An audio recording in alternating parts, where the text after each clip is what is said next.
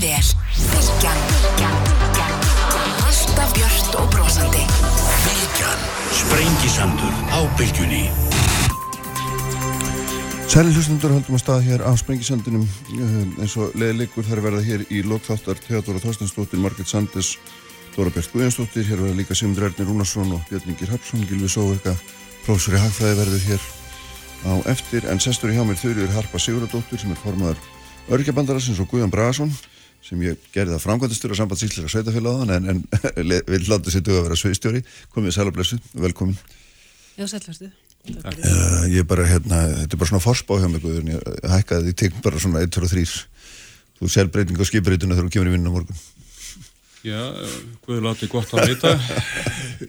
Heyrðu, hérna, gamli sleftu sko, hérna, þau hérna, voruð ásand þroskahjálp á fundaferðum landið sem er, hérna, forvinnileg uh, nálega 20 sveitafélag sem þið heimsóttuð uh, áttu fundi þar með frambjóðandum um ykkar hérna, hugarefni um álefni fallars fólks og það er nú einn af svona veigamestu málaflokkunum sem sveitafélagin þurfa að, að sinna og svo sem margt þar sem að hægt er að gera betur og, og hérna auðvitað margt líka vel gert eins og gengur. Mm. En hvað, svona, hvað tekur út úr þessar fundaröð? Hvernig hérna... Já, það er svona sem að branna á fólki og, og sem mætti þarna á fundi, þetta voru auðvitað líka uh, mætti þarna kjósendur en það sem branna á það voru húsnæðismál, aðgengismál, atvinnumál, þjónusta og ferðarþjónusta og skólamál. Mm -hmm. Og foreldrar voru ábyrrandi þarna. Foreldrar fallara batna sem sagt? Já, foreldrar fallara batna og fullorðina aðstandenda, hérna, neði fullorðina fallara. Og um, þau, lístu, þau komu fram á flestum stöðum og lístu á ágjum sínum af stöðu fallara batna sinna sem fengu ónáða þjónustu ekki hugsa fyrir aðgengi í skólanum, lítill stöningur við fjölskylduna og, og svo foreldrana og mikil umminnarskylda fóröldra, þeir voru bara daldi byggðaður og höfðu áhyggjur af, af stöðu fallara barna sinna framtíð þeirra. Og sjálfum sér líka fólk er nýkoma út úr COVID og, og hérna, þessi hópur hefur þurft að vera mikið frá vinnu vegna, vegna vera heima hjá sínu lang, langveika barni mm -hmm. þannig að þetta var svona ábyrrandi inn í, inn í þessum eh, já, hjá, hjá þeim sem komu til að ræða við frambjóðundur og okkur og Herman er alveg við það sem við vorum með okkur hérna, í okkur erundum. Eh, við vorum með þetta að ræða bara áherslu fallasfólks, þáttu ykkur samfélagi og atvinnumál og, og kynna kynna hérna, samling samnið þón um réttindi fallasfólks og, og hérna, komum inn að frumkvæða skildu sveitarfélag og fleira. Já, er það þín tilfinningar að þessum fundum að fólk þekki hana málflokku vel eða? Ég það var bara það er bara svo sumt þekkir fólk svona sæmilega en mm. það er greinilega ekki alveg nægilega gott og hérna Þekkir fólk skildur sveitafélagana því þú tala um frumkvæða skildu og lög og, og sáttmála saminu þjóðan og svo framvegis Nei, það var kannski fólk var ekki með það hreinu en það líka koma svona daginn það er erfitt, erfitt að nálgast upplýsingar. Það er ekki til, til staðar inn á, á heimasíðun sveitafélaga og það er, það er bara verkefni sem hægt er að breyta og, og gera betur í mm. og ég held að allir séu orðinir meðvitaðar um það í dag. Þannig að fólk hafi svona betri hérna, leiðir til þess að uh, fá upplýsingar um þjónustu og, og, en, en fulltrúanir sjálfur, þekkja þeir þetta? Um, það, var þetta, það var þetta misjamt það fórast yfir hvort þetta voru var fólk sem er að koma nýtt inn og bjóða sér fram til starfa fyrir í búa svitafélagi eða hvort þetta var fólk sem var búið að vera áður og hafði þá verið tengt inn á velferðarsvið. Þannig að þetta var þeir sem voru áður höfðu þetta eitthvað þekkingu mm. en, en þessi nýja höfðu kannski minni þekkingu á, á þessum álefnum En Guðan það er, það er hérna það er ekki eins og við sem er ræðið í fyrsta skipti sko, þetta er búið að vera uh, viðvarandi umræðefni síðan allt síðan að þessi flutningu varðfrægi frá frá ríki til sveitafélag og, og viðvarandi hérna líka svona eh, kvartanir yfir því að þetta hafi verið eila vanfjármagna frá upphafi og, og hérna svo stöndum við mörgum árum síðar og, og með hennan gríðala halla sem ég nefndi á það, 9 miljardar halla á málafloknum uh, samanlagan árið 2020 kannski meir á síðast árið, þú kannski getur frækt okkur um það Þannig er auðvitað eitthvað sem hefur ekki farið eins og átt að fara. Já, það er svona, auðvitað viljum við ræða í tengslu með þennan málaflokk hvað við getum gert betur. Mm. En fjármagnunin er líka eitthvað sem við komumst ekki hjá því að ræða og það er auðvitað komið núna ný skísla og þá starfsópur sem á að fara að ræða fjármögnunina og að líka ræða endurskoðun á, á lögunum þannig að það er ekki eins og menn hafi ekki upplýsingarnar. Nei. tala 9 miljardar 2020, ég er hrettur um að myndin sé enn svartari. Við höfum hirt tölur svona 12 til 13 miljardar 2021 Já, í afkomu og, og þetta er náttúrulega þetta er skuggalegt gat sem Já. að sko, náttúrulega er ekki þetta er ekki sjálfbært og við þurfum að fá úrbætur á því. Höfum auðvitað ákvæmna vendingar um að það takist en stærðin er náttúrulega slík sko, við erum í raun að tala um að hér þyrti sennilega hækka útsvars hlutfall sveitafélagum 1% stig og ef að ríkið vildi koma á móti og lækka tekjuskattin samsvarandi, þá getum við kannski verið með frekar innfald að lausna þessu. Ég reikna nú frekar með að viðræður verði kannski aðeins flóknari.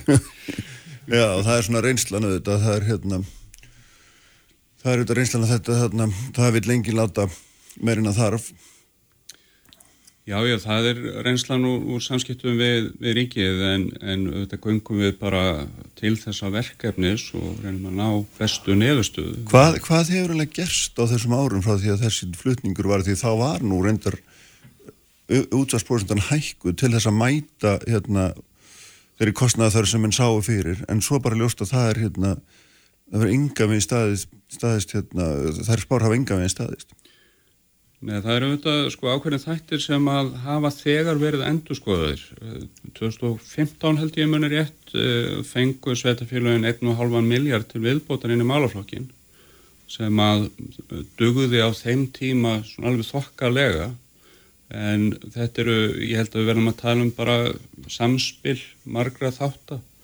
E, náttúrulega tekjöldan hafa aukist líka á þessu tímabili. Það hafa bara ekki aukist jafn mikið og útgjöldin og það eru auðvitað tækifæri núna til að fara betur í það. Hæguræðing er vantanlega eitthvað sem að menn þurfa að ræða líka en á sama tíma auðvitað eru væntingar um það að auka þjónustuna og þörfin fyrir það auðvitað bara mjög augljós. Já.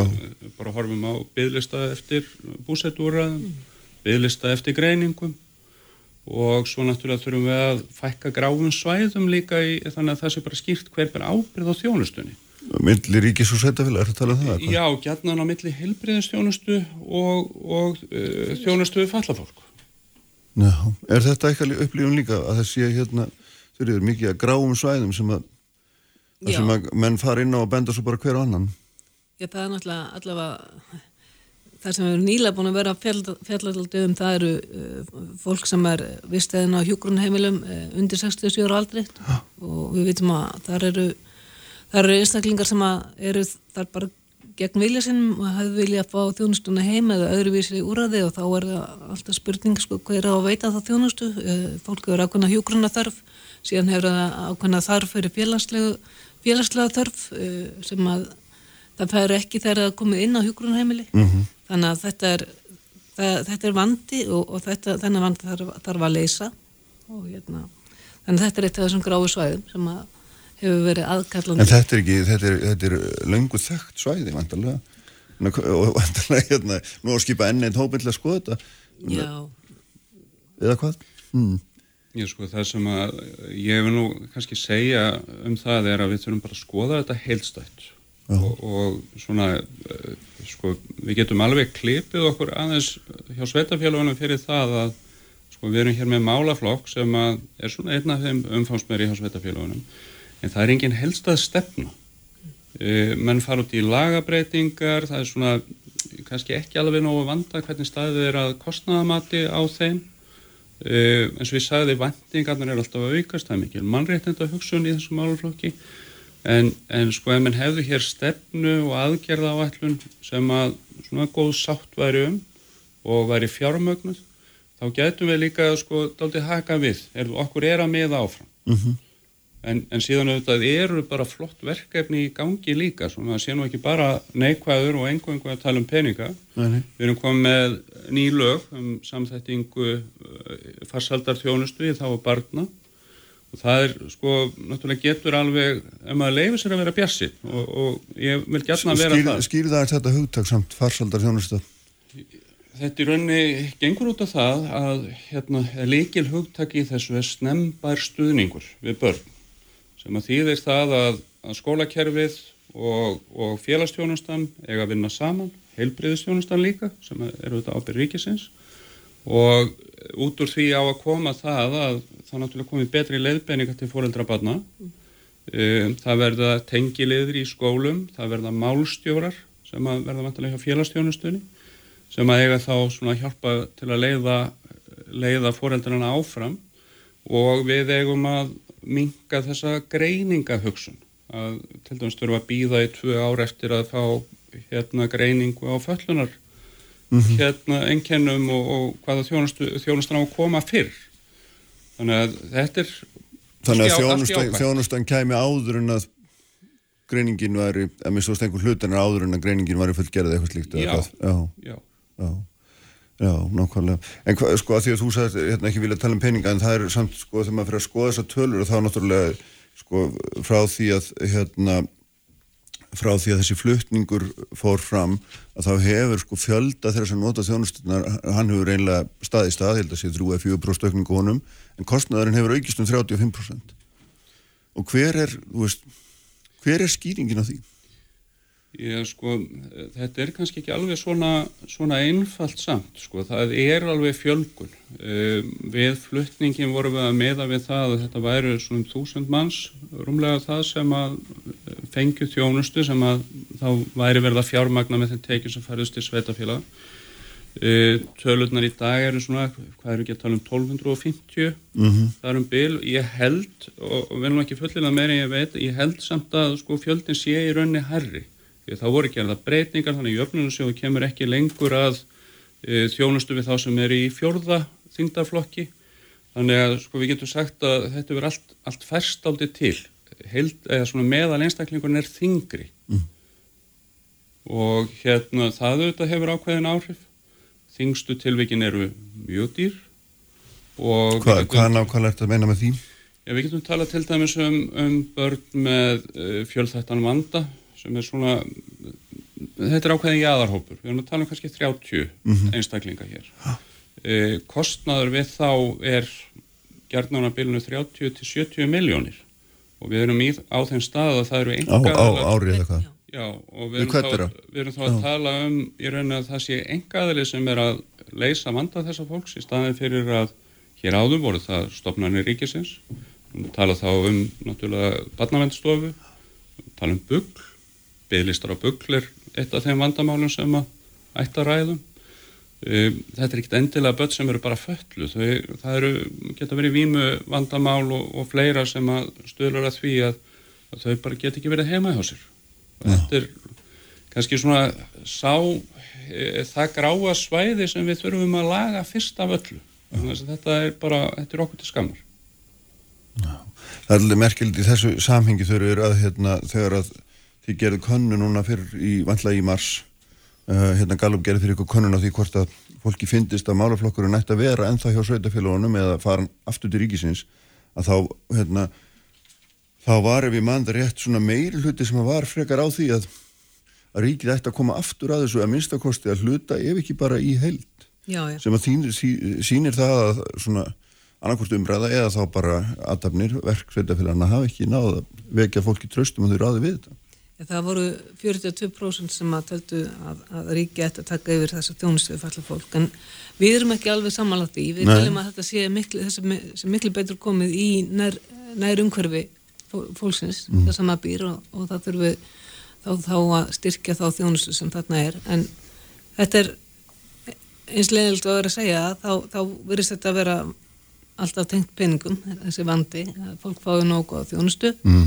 og, og hérna og þann stuðning sem það þarf. Þannig að ég veit ekki alveg hverju er um af hverju að þetta var orðin svona neyðustada almennings en það getur bara verið að væri einhver ákveðin umræða búin að vera alltaf hávar til dæmis uh, kannski NPA eða eitthvað álíka. Já, þessi notandastýrða persónulega þjónustöð sem að Já, persónulega aðstóð sem að allar fólk er að hefur í dag uh, lögum samkvæmt uh, á að geta sótt um. Mm en, en jæna, hérna, og, og sömur fyrir sömur er þetta algjör umbreyting og, og að fá þess að, geta stýrstinni aðstóð og, og þjónustu sjálft. En svo er aðri sem að þetta hendur alls ekki fyrir en, en vilja vera kannski samt meira sjálfur að á og, og þetta kallar auðvitað á kannski meiri stuðning við einstaklingi sjálfan sem er auðvitað mjög gott. En, en hérna En um leið hefur verið hávar umræðu um það að þetta sé mikil kostnaður fyrir sveitafélagin og að ríki sé ekki að mæta þessu og annað slíkt. Sko. Þannig, þannig að það geti verið, að það hefur verið áhrifaþáttur hérna inni. Þannig að... Já.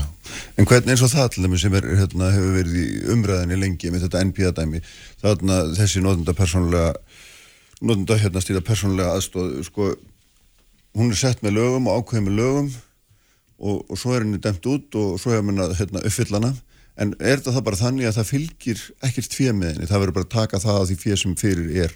Hvernig, hvernig virkar þetta raun að veru? Nei, það var ósangjönd að lýsa þessu með, með þeim hætti. Mm. við erum hér að innlega þetta í upphafi sem þróunarverkefni og, og það eru bráðabyrða ákvæði við löginum þjónustöðu falla fólk sem að e, svona, setja ákveðna áfanga á leiðinni og svona okkar afstöð er nú svo, sérstaklega því að náttúrulega þessi innleðing hefur gengið hægar heldur en e, gert var áð fyrir þegar lögjum voru sett 2018 og við verðum sennilega að halda áfram að líta á þetta sem svona þjónustu sem verður bara að þróast. E, ég tel nú að sko kröfu sveitafélagikar ríkisins í þessu verkefni hafi verið frekar hóvarar en það er langt síðan við settum fram þá kröfu að í stað þess að ríki greiði 25% af heldakostnaði þá sé það alveg lámarka að það sé 30 mm. það mætti alveg hugsa sér róttakari breytingar á þessu sem að gætu til dæmis verið þar að ríkið bara tæki það sem væri umfram sko, tiltekið magn eða allavega að það kæmi þá hjúgrunna þátturinn inn í þetta sérstaklega. Hjúgrunna þarfir eru oft mjög miklar og það er í rauninu oft alveg ótrúið hvað heilbreyðiskerfið hefur fengið að vera stikk frí það hefur bara fengið svona einhvern veginn að vísa þessum málum frá sér og það varð mjög áberandi í rauninni eftir yfirfæsluna að já, það var eiginlega svona bara flestur vandi orðina ábyrg sveitafélaga því að þau voru með þennan málflokk, fallaskóls mm -hmm. þetta er svolítil þrautaganga. Já.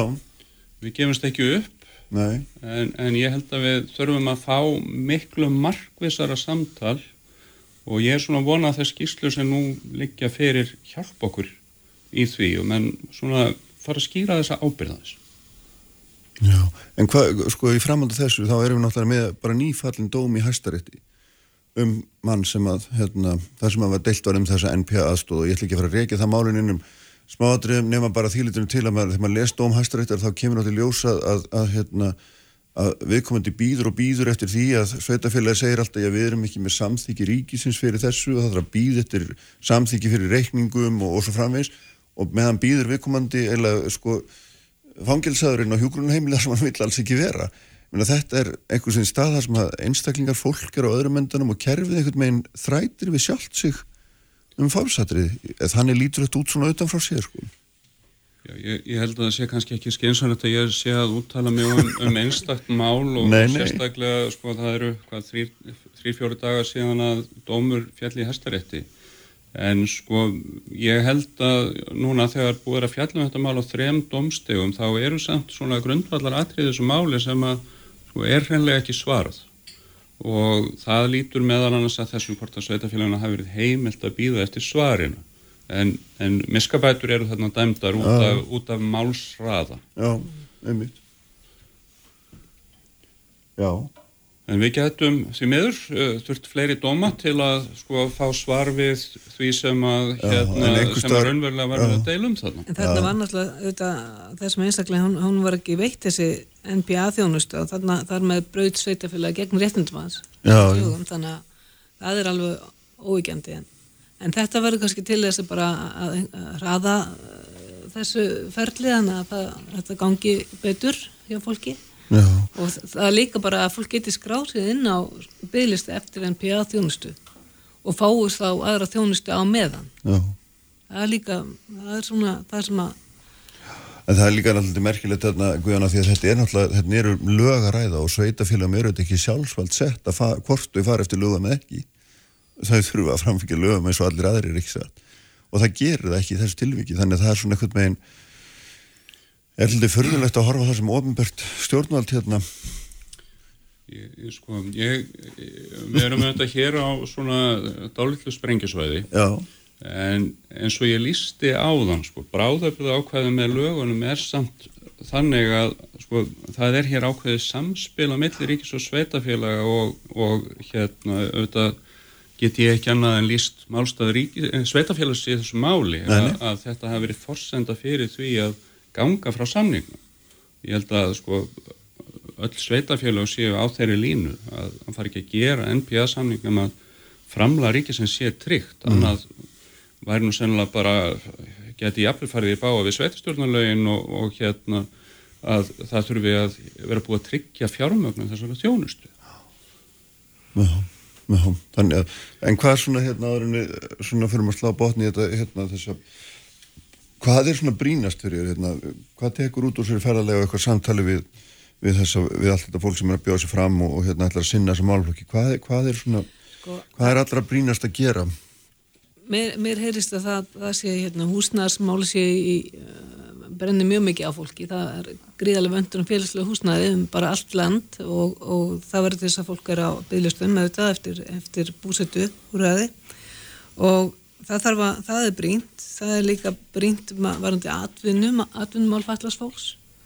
Nú er ákallega nú, nú er það stefna stjórnvaldi að falla fólk uh, hafi meiri tækifæri til þess að vera á atvinnumarkaði og komast út í, í vinnulífið og hérna einhvern veginn þarf að mæta þeirri kröfu og, og það verðist ekki vera það, það þarf að hugsa fyrir því að við þurfum að skapa þá þessi hlutastörf eða þessi eiginleika sem að, að þarf. Og svo er það þjónustan. Það er auðvitað alltaf hérna stóra, stóra spurningi það þjónusta við e, föllu börn og, falla fullorðið fólk og, og fjölskyldur og aðstendundur þetta er svona, mér finnst þetta að vera og, og, og hérna inn í skólana líka.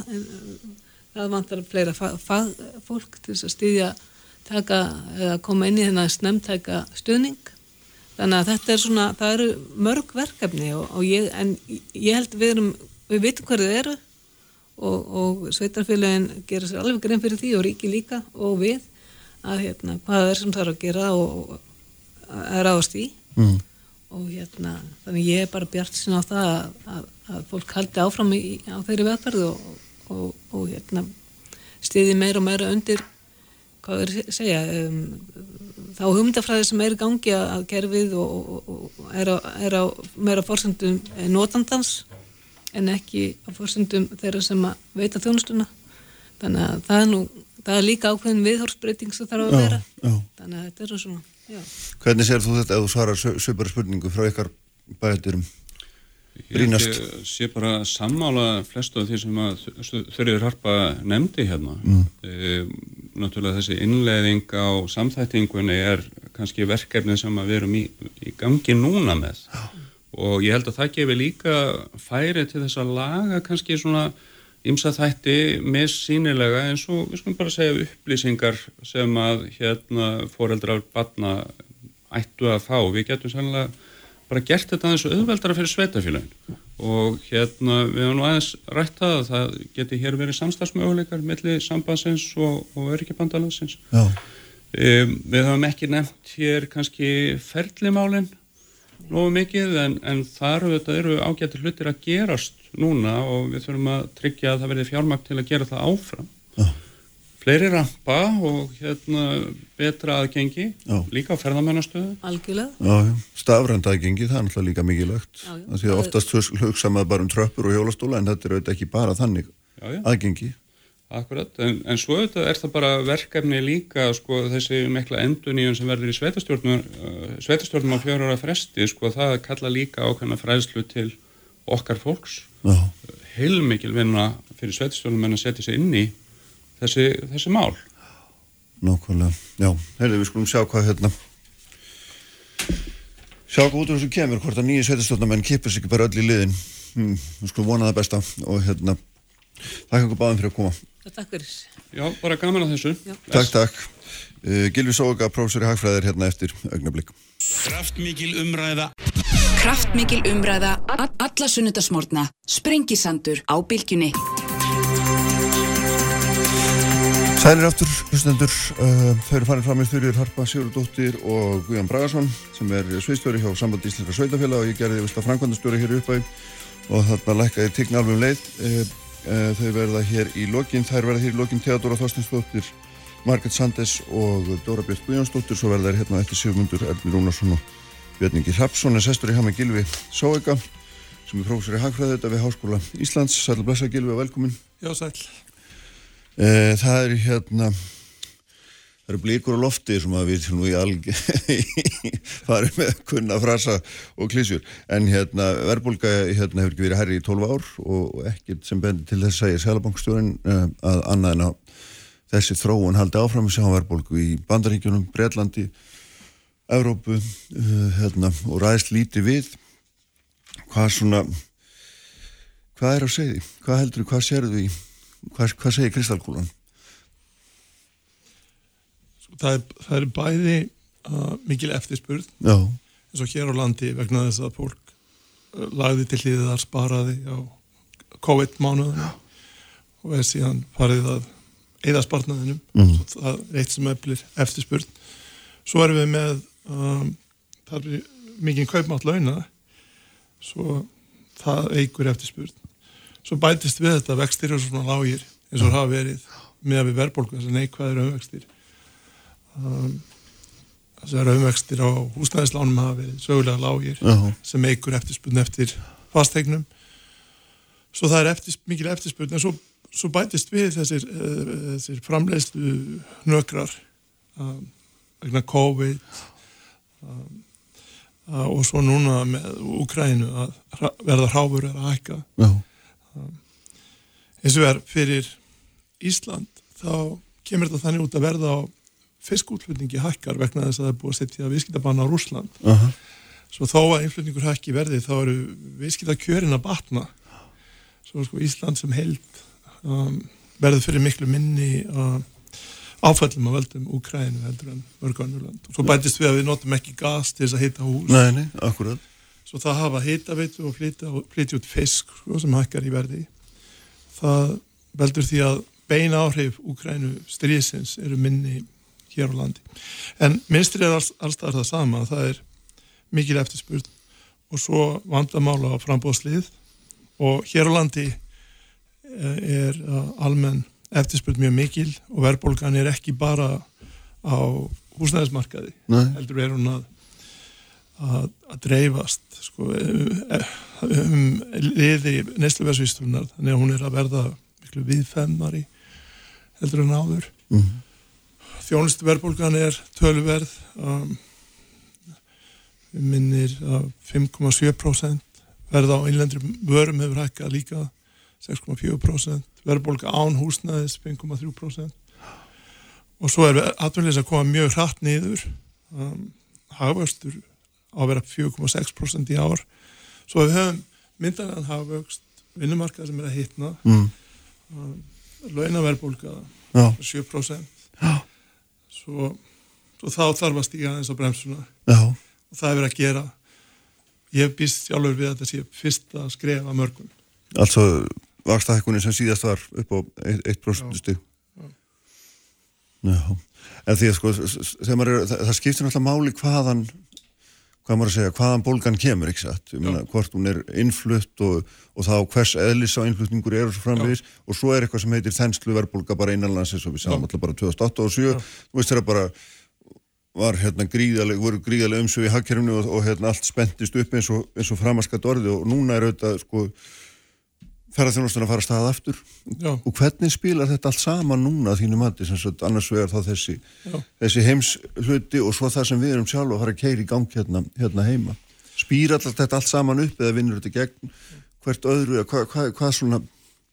Svo innflutta verðbólgan hún er fyrir hendi en hún er tiltölulega lítil að segja áhrif herra innflutningsverðs í neysluverðsvísitölunni. Mm. Þau eru þarna en það er ekki stóra sagan sem er að gerast núna. Um, svo, svo hefur auðvitað ellenda verðbólgan áhrif óbeina áhrif. Svo í gegnum ímis aðfangaverð sem síðan hafa áhrif á illenda framleyslu en ég held við getum samt sagt að að uh, þessi mikla verðbólka sem er hérna innanlands stafi að verulegu leiti af innlendri eftirspurn. Já. og það sama á við í útlandum þó að þetta sé að gerast í flestu landum samtímis að þá á þetta sér það er að, að rætur að í öllum landum var að meðan að farsóttin gekk yfir þá settu menn verðbólgu til hliðar sem markmið. Þetta þótti það mikið uh, mikil ógn mm. í samfélagi svo hér eins og annars það var allt gert til þess að venda atvinnu. um, og svo þegar að COVID er ekki lengur vandamál þegar að lífið verður aftur hérna, eins og það var áður þá höfum við þetta lága vakstastig í mörgum landum búið að búa til mikið af peningum. Um, svo það er gríðarlega eftirspurn. Og núna á næstu mánuðum næsta árið munu vextir hækka í heiminum. Og bandaríkinu er þetta þar lang uh, áhrifamest, Já. maður segja þau ráða að vakstast í heimsæðkerfinu svo þar voru vextir hækka um 50 púnta og við búumst við, eða ég býst við nokkrum slíkum hækkunum á þessu ári. Já, svo það sem að stóra myndin er svo að við erum að fara úr tímabili það sem að vextir voru heiminu nálægt nulli já, það sem hlutabriðaverð voru mjög há. Það sem að fastlinaverð var greiðlega hátt. Það sem fjármaks eigendur högnuðust mjög mikið. Það sem að eignarskiptingin var mjög ótreif það sem að, ójöfn, það sem að, að vinnuafl á Vesturlandum átti um, erfitt uppdráttar vegna þess að störfum voru að flytjast til uh, Kína og Mexiko og hvað, hvað hefur. Svo þessi heimsmynd sem hefur verið hérna hún er að breytast mjög snögt vegna þess að framleiðslu keðin er að styttast. Mm. fyrirtækinu er að færa framleiðslu heim. Um, vextir er að hækka mjög skart það er verðbólga svo getur búist við því eignaverðin svo hlutabriðaverði heiminum farið lækkandi. Getur gerst mjög snögt eða hægar. Það mun koma að því að fastleinaverð hætti að hækka svona mikið og ég vil lækki. Já. uh, og vinnuafla á Vesturlandi mun þá einnig hafa sterkari stöðu. Um, svo erum að fara, má segja, aftur í tíma en það er ekki alvond nei, það er, það er jákvætt það er svona heilbrygt að hafa jákvæða bæði nafnvexti og raunvexti. Mm. það er jákvætt að eignaverðin sé ekki eins há eins og það hafa verið. Hlutabrefmarkaðurinn sé ekki svona alveg hæstu hæðum og úr tengslum við veruleikan þessi rekstur fyrirtækja. Um, og það er jákvætt að pastinaverð sé ekki svona hátt eins og það hefur verið. Um, það mér að segja sístu áratví hafa orðið sko við lítum á heiminn. Um, já á milli fjármálamarkaða og raunhagkerfis. Þessi að gríðarlega fjármagn í umferð sem að liftir upp eignaverðum um, aðeinslega sem eiga fjármagnir að hagnast gríðarlega. En það hefur verið yfirvóðandi einhvers konar leiðrætting í mjög langan tíma að þannig að fjármála kerfi sem Já. eignaverðin muni leiðrættast og ég held að sé nokkuð verið á næstu 12 mánuðum, 12-24 mánuðum munu, munu einhver leiðrætting eiga sér stað uh -huh. það er bara vonandi að hún verði ekki ofsnögg sko. en já, það verður ekki einhver svona hrun á eignamarkum það verður Já. náttúrulega, já, já, já En, en sko, að þú nefndir það að þú sægir fyrir þér hérna áframhaldandi vakstahækkanir og þetta er þetta hluti af því sem að flest heimili mæna á hérna, og, og einhverjum þeirri sem eru með breytilega vexti og nú hérna, margir vantarlega óvonandi þeirra vegna farið yfir í fasta vexti þegar að það Mm. þegar að hérna, það blasti við að það væri skinsamlegra en, en sérðu þannig fyrir þér að, við haldum áfram að hækka vexti með einhverjum svipuðum taktu að verið hefur, nú var heilt brósundustig líka sem var náttúrulega, síðast var náttúrulega mjög stort skref, Já. en hvað svona hvað sérðu fyrir í þessu og ég tala bara fyrir sjálfa mig. Já, það fer alltaf auðvitað eftir aðstæðum. Uh, næsta ákvörðun er í júni og við vitum ekki hvernig heimurum verður þá. Það er mikil já, um, um framtíðina.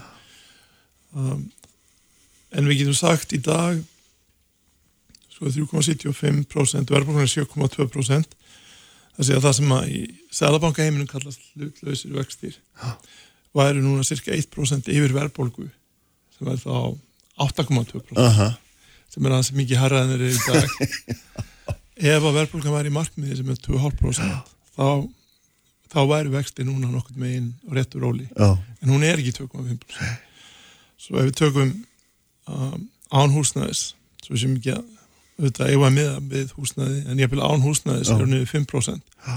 svo þá ætti vextir að vera 6% mhm, svo á næstu mánuðum uh, gerir maður af fyrir já, að peningalda aðhald verði hert. En það fer alltaf eftir aðstæðum okkur en tíma og alltaf metið uh, mhm, hverja ákvörðin en, en þessi umræða um vexti hún, hún er stundum dálítið uh, svona þröng.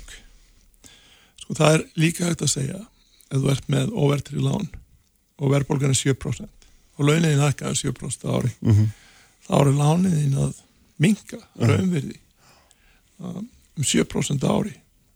Það er eins og þú hafi greitt upp 7% af, mhm, af láninu þínu og þó að vextinni fara aðeins upp þá verður að líta á báðar hliðarnar. Um, það, er, það er verðbólga og svo eru vextir.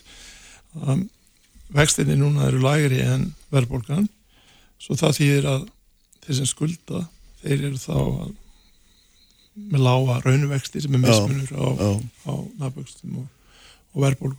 En það er auðvitað rétt að þeir sem eru að tóku lán, sko einhver kipti sér fastleikt 2021 á háu verði og skuldsetti sig mjög mikið á breytilegum vöxtum og verðtrygt, þá getur viðkomandi lent í hann alltaf að finna fyrir Já. greiðslubyrði.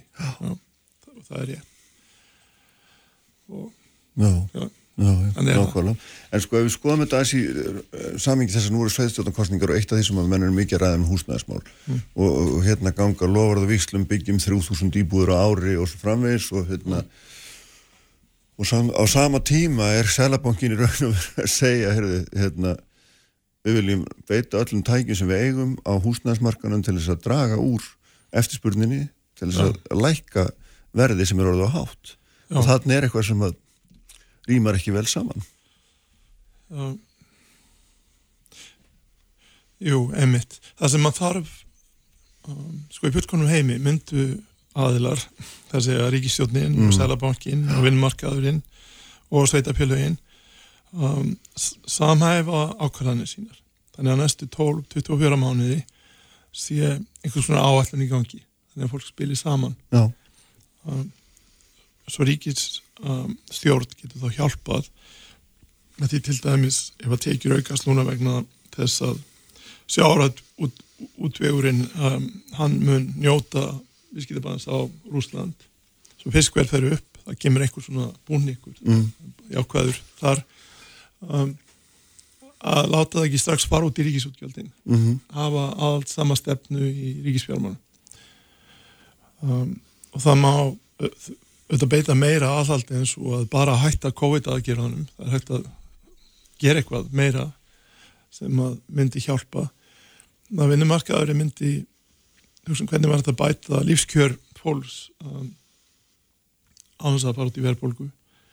Það þýðir ekki bara að verkefnisfélögin sé að stilla kröfum í hóf heldur líka vinnumveitendur sko það, það gengur auðvitað ekki bara benda á launafólk heldur.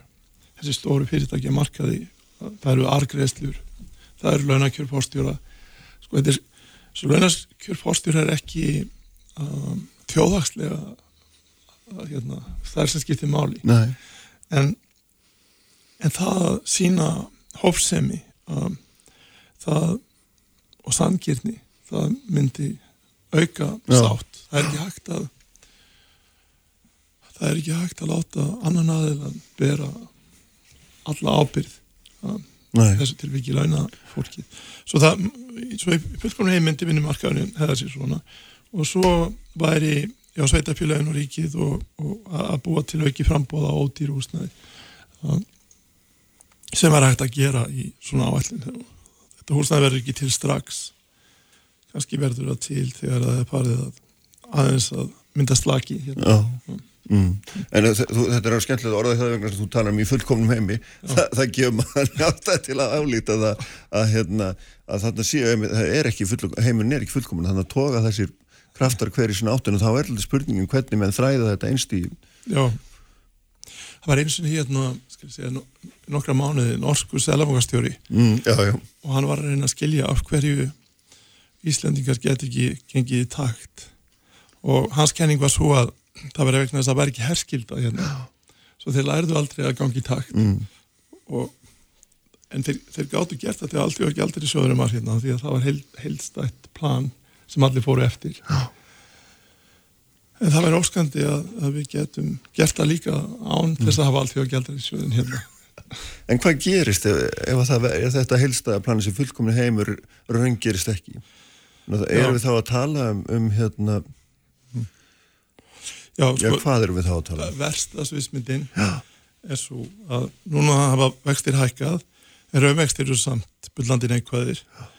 Um, að vakslækana verði hægar svo eftirspurning haldi áfram að vera mjög mikil að vinnumarkaðinu fari hnút um, samið ekki bara um sko um, launahækkanir heldur sé innbyggt í þessu launahækkunum sé um, verðbólka fyrir næsta ár að spá 7% verðbólgu næsta ár þá byrjaði þeir í 7% launahækkunum Já. og svo bætið þeir við. Um, og það getur verið að sé innflutt verðbólga núna í haust og þá séu launin hækka sem nefnur henni pluss innlendu verðbólgunni pluss eitthvað meira. Um, og svo á næsta ári þá segja vinnubeitendur já, launakostnaðin hefur hækkað svona mikið þá þurfum við að hækka velag enn meira. Og í um, kennslubókunum í hagfræði þá er sagt að leiðin út úr þessu séu þá að selabóki hækki vexti mjög mikið. Það eru þá miklar vakstækkanir í haust og næsta ári til þess að koma í vekk fyrir þessi skrú og haldi áfram já, upp á við. Um, um, það væri betra að reyna að tempra eftirspunna fyrr uh, og að aðla vinnumarkaðar áttis sig á því að að þessi verðbólkuskrúa hún mun hafa slæm áhrif á almenning mm. fyrir það síðar En nú er svona fyrstu viðbröð verkefælisæringarinn til þess að síðustu vakstahækkun voru orð eins og stríðsífulýsing. Það er engin að hækka vext í, vestur, í hérna, hérna, vestrana heimi nema þessi kjánali íslenski selabanki sem skilur ekki hérna, efnaðarslífið. Ég meina það var nokkurn veginn tónnin og orðin, ekki satt? Jú. En já, það er gott að fá gaggrinni en, en, en þetta er ekki alls kosta rétt vegna þess að vextir hafa hækkað um, heila allstaðar m- minnst á efrisvæðinu en land með sjálfstæðan gjaldmiðin eins og Póland, um, Tjekkland svo mjög miklar vakstahækkanir Mm. og Stórulöndin eru byrjuð að hækka vexti. Við Breitlandi eru vextir á uppleið á vakstahækkun núna í síðustu viku og svo Bandaríkin líka. Bandaríkin að setja tónin fyrir alla gefa tónin fyrir alla aðra bandarísku vextirnir á leiðinu upp þá fara vextir í heiminum upp. Um, það að Evróski Sælabankin hafi ekki hækka vexti um, til að vissu er að búa til mikið peningum í hverju svo með því að minka þessa peningamyndum þá er það líka aðhald þó er hækki ekki vakstast í en Evrópa hefur sérstöðu vegna þess að verðbólgan þar er að miklu leiti komið til vegna hækkunar á verða á gasi þegar gas er notað til kyndingar. Svo ef maður tekur gasið út úr uh, evrósku verðbólgunni þá er verðbólgumvandi þar miklu minni heldur en í Breitlandi, í Bandaríkjónum og öðrum landum og, og hér. Það er annað ástand en hér. Um, sem skýrir af hverju vextir þar hafa ekki ekki eins mikið eins og í Bandaríkjónum dæmis. Já. svo, svo það já, þess umræðan hérna, hún hefur nú löngu verið á sérstökum nótum. Um, en, en maður verður að sjá hlutina heilstætt um, og launafólk er líka með lífyrirsjóði lífyrirsjóðnir hafa sparnað fólks. Það að hafa jákvæða raunávöxtun er leið til þess að venda uppsafnaðan sparnað. Um, um, og við vitum að eftirspunnin hérna er mjög mikil, hefur verið að vaksa mikið. Að vinnumarkaðun er að hitna. Um, fjárfesting er að vaksa enganauksla er að vaksa um, og við erum með þetta kerfi, sjálfstæðan gjaldmiðil, sjálfstæða peningastefn og þá, þá er þetta það sem að eigum að gera. Um, ef við heldum vöxtum og breytum, væri með e- evróska vakstastíð og verðbólgu 7,2% og alltaf hitna hérna innanlands, þá þetta myndi, já, fastegnamarkarinn hitna enn meira. Og getur tekið lán á byllandi neikvæðum raunvöxtum. Já, sem það hefur verið að gera þetta, já, stóra stíl, já. stóra stíl. Og, og, og fastegna verið að hækka mjög mikið. Og þá myndu þessi sömu aðeinar sem er að gaggrína vakstahækkanir segja að fastegna verið stíða allt og hátt. Þá þarf að leysa það. Svo getur við sagt að það sem lífisjóða sé og lág. Mm. um, veist, en maður getur ekki þetta er ekki alla kast sko að maður hafi lága vexti á húsnæðislánum spari fjöfi fólks í lífisjóðum hafi uh, klávægstun og að fastegna verið stíða lágt þú getur ekki náð allu samtímis. Um, og, og varandi sparna það er betra að fara fyrir upp með vextina heldur en að láta verðbólguna og eignaverðin. Mm. um, þó það sé ekki markmiðinu eignaverðin hækka mjög mikið og síðan við að stíga mjög hart á bremsuna og sjá kannski eignaverðin falla mjög hratt. Mm. svo, svo, svo það er reynd að fara fleiri skrif heldur en að Já.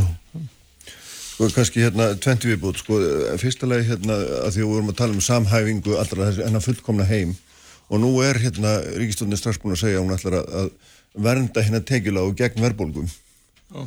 En það er aðgerir beinast kannski ekki beinlýnis að verðbólgunni sjálfri heldur að einhvers konar tilfæslum ég meina, er það þá ekki skref í ranga átt ef mann vilja fara að beita aðhaldi ríkisfjármálum ef það er nöðsynlegt það er hægt að hafa áhrif á tekjuskiptingu í þessu tilviki Mm. að venda Já. láttekjuhópa og sína aðhald ef að ríkisjóður aflar tekna til þess að standa undir þessum útgjöldum en hann þyrfti að hækka skatta og, og aðeins meira heldur en nefnur útgjaldaaukningunni þá ert bæði með aðhald sem ríkisútgjöld og þú er Já. líka að venda þessu hópa ef það er bara útgjöld án, án skattahækana þá er það auðvitað örfandi aðgerð sem að ég vendar þess að hópa kannski fríðar aðeins vinnumarkaðin en einhver eftirspurn Já.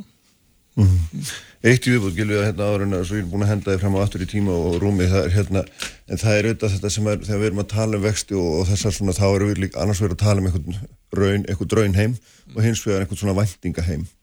Og það sem að allavega maður er að lesa er það að svona fjármála markaðurinn sjálfur sé farin að horfa langt fram í tíman og gera sér væntingar um það nú þegar að verðbólgan verði bara tölur tá að fara yfir, yfir í tveggjastæðu tölur svo framvís og þetta sé einhver barata sem að ég veit ekki sá einhverstaðar einhver nefndi tíu ár.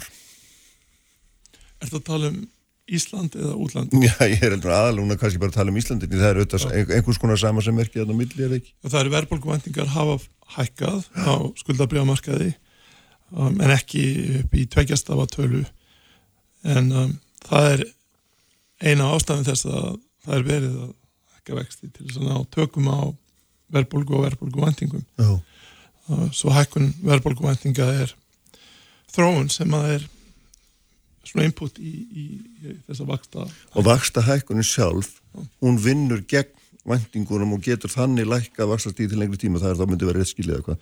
Já, ef að, ef að markaðinir hafa trú á því að það takist að halda verðbólgu niður í, Mhm. hún, hún á að vera í 2,5% þá munið þið búast við 2,5% verðbólgu og þá munið löngu vextinni vera uh, lagri. Ef að Sælabanki missir það sem við kalla trúverðileika, já, sem ég segja að þeir eru búin að missa stjórn á verðbólgu, þá, þá búast markaðinni við meiri verðbólgu og löngu nafnvextinni verða herri sem því nemur. Um, svo, svo það að, að, að, að verðbólga sko, þetta, þessi slæma sviðsmynd raungerist að, að, að þessi mikla eftirspunni haldi áfram út árið að minnumarkaðurinn sem í fyrir næsta ár um sem nemur um, verðbólgu þessa árs pluss meira og síðan hækki fyrirtækin enn meira verðlag sem síðan leiði til kjærasamningar sem að sko þessi það, það, það græðir engin á þessari þróun. Vegna þess að fyrir eða síðar þarf að taka í taumana og því lengur sem er beðið þeim mun að sásöka fyllir í verður svo aðgerð. Eftir því sem að þessar verðbólkumvæntingar verða að festast að þá verður erfiðar að ná þessu niður og erfiðar að ná þessum trúverðileika á kerfinu um, upp aftur. Svo þessum er mjög mikilvægt núna þessum um, næstu mánuðum að, að ná tökum á innlendri eftirspurn. Að vinnumarkaðurinn hann komist að einhverju skynsalegri niðurstöðu það sem báðir aðeins að gefa eftir. Mm -hmm. því er ekki bara vinnuafli heldur líka fjármagnið. Það verður að sátt um skiptingun á milli þess að tvekja já, já, já. Um, og, og ríkisjóður sé með uh, aðeins uh, aðhald. Svo að þessi að við náum að gangi í takt eins og normaðurinn sagði. En það er mjög sjálfgeft hérna. Ég, bara, það er og kannski hægt að taka upp herskildu til þess að við allir gengi takt eru átján ára á Já, já og læriðu það bara inn í framtíðina. Já, já heyrðu, takk fyrir að koma Gilvi Gaman að fá það eins og alltaf. Okay. og hérna höldum hérna áfram Björningir Hapsson, Simundur Ernir Rúnarsson. Förum aftur inn í segðustundamálun hérna eftir augnablík Kraftmikil umræða alla sunnudaga. Sprengisandur á bylgjunni. Uppspretta frétta á Sprengisandi á bylgjunni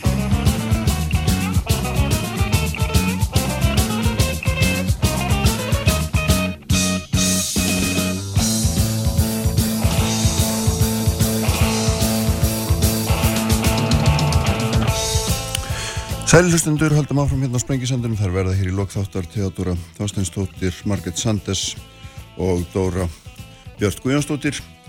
Uh, Gilvi Soga farin frá mér frá því áðan en sestur hjá mig Björningi Hrapsson og Simundur Erni Rúnarsson ætlaði nú að vera með okkur og hann lítur að regi neði bara hverju mínútu. Hérna ég er nú kannski nýta tækifærið aðeins að, að hérna, nefna það sérstaklega því að sumir hafa spurt mig að þessar þessar uh, árásir á borgarstjóran persónulegu sem það er í hópi aðgerahóps um, Björgun Reykjavíkur ekki á mínu vegum og ekki hluti af þættunum það er svo það sé nú bara algjörlega skýrt framtekið en Björningi, hérna, velkomin. Takk fyrir. Ég ætlaði að fá þig til þess að aðeins að spá í spil með mér um hérna, ströymustefnur rétt í þessum kostningum og hérna, kannski mann og segja svona kostningaborðan fór sent af stað og hefur raunveru verið bara frekar lítil og, og svona, ég veit ekki, hvað hva finnst þér? Já, uh, Svo sannarlega, ég, ég hef sjálfur tekið þátt í kostningabarötu bæði fyrir í landsmálum og fyrir borgarstjórn og það var miklu lengra tímabil en það sem, það sem áviðum núna er það að það hendar mjög mörgum að þetta sé svona Já. og uh, ég tek eftir því að þeir sem er að reyna að sækja á í borginni, tökum, tökum sem dæmi uh, nýjan oddvita sjálfstæðisflóksins og hennar fólk sem Já. er að reyna að koma sínum bóðskapaframfæri þau eiga bara erfitt með að komast að af því að ráðandi aðlar meðal annars í borginni uh, og í stjórnarandstöðun landsmálunum vilja ræða önnur mál, mm -hmm. til dæmis landsbankasöluna og svo frammiðis. Íslandsbanka, já. Já, nei, nei Íslandsbanka er það að segja, já, þegar ég horfið hér á, á þig sem varst landsbankarum að... Seldi bankar í sýrbendingu bara. Skemmtilegt svona fröytist slip, en, en skilur þau, þannig að, að hérna, og það tekum maður eftir með til dæmis mótmælinn sem að er áframhaldið og, og, og var núna um helgina og það sem er sko á austurvelli með svona skemmti aðriðum Já. til þess að reyna að trekja að og maður sér að þetta er allt gert í ákunnum tilgangi og, og það, það er dasgrarvaldið er auðvitað dýrmætt í aðdraðanda kostninga og ég heyri það á, á mörgum hjá vinstirgrænum, hjá sjálfstæðisfloknum og, og, og, og framsókn að, að þar hafa menn átt erfitt með að koma sínum bóðskap á framfæri út af því að fólk vil vera að ræða önnur mál sem að tengjast sveitastöldnastínu ekki beilinnis. Svo um leið og alþengi fór heim, allavega tímabundið í hlið. sem var gaggjart til þess að gefa sveitastöldinu. Sem er þó bara tvær vikur sem já, er ótrúlega lítið í rauninni já. og þá sér maður að þetta er aðeins að breytast og ekki veitir af vegna þess að ég held að ansi margir gætu hort fram á það að eftir kostningar, heyrðu það, það er allt óbreytt og hér hefur ekkert gerst og við vorum, vildum breyta þessu og hinnu en það mm. bara komst einhvern veginn ekki almenna á dasgrá. Nei, nákvæmlega. Og þetta er, já, og síðan þetta voru páskar og einhvern veginn þetta er svona... Já, og ég menna... Gafst aldrei réttur tími til að byrja. Og, og þetta eru bara, þetta, eins og kymverjarnir segja, sko, megið svonurðin lifa áhugaður um tímum eða spennandi tímum. Mm. Þetta eru Eh, við erum að koma út úr faraldri og, og engin veit hvort að hann er búinn. Eh, hvort að við fáum nýjar bylgjur og nýja afbreyði í haust. Svo er stríð. Jú, jú. og menn eru hrættur um að, að það getur komið til mikill að tíðinda á morgun. Já, já, hersýningadagurinn miklu bara, í Rúslandi, já, verið já. bara stór tíðinda á morgun í heimsögunni. Já.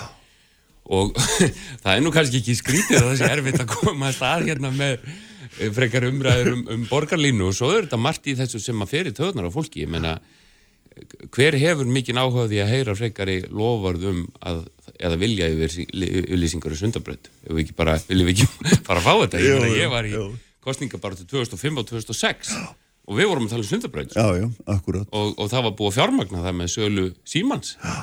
E, og, og sko þannig að við erum alltaf að heyra sömu hlutina og samt Já. er verið að þæfa tiltekna hluti, það er að ennþá verið að tala um miklu breyt í stokk, svo allt í einu rétt bara þegar það á að vera löngu komið og þá fara menni að skoða jarðgangaleið sem margir hafa bent á löngu. Við erum alltaf að tala um sömu hlutina, við erum að tala um flutning Reykjavík og flugvellar Já, inn, innviðar á þeirra er núna að setja ofan yfir borgina.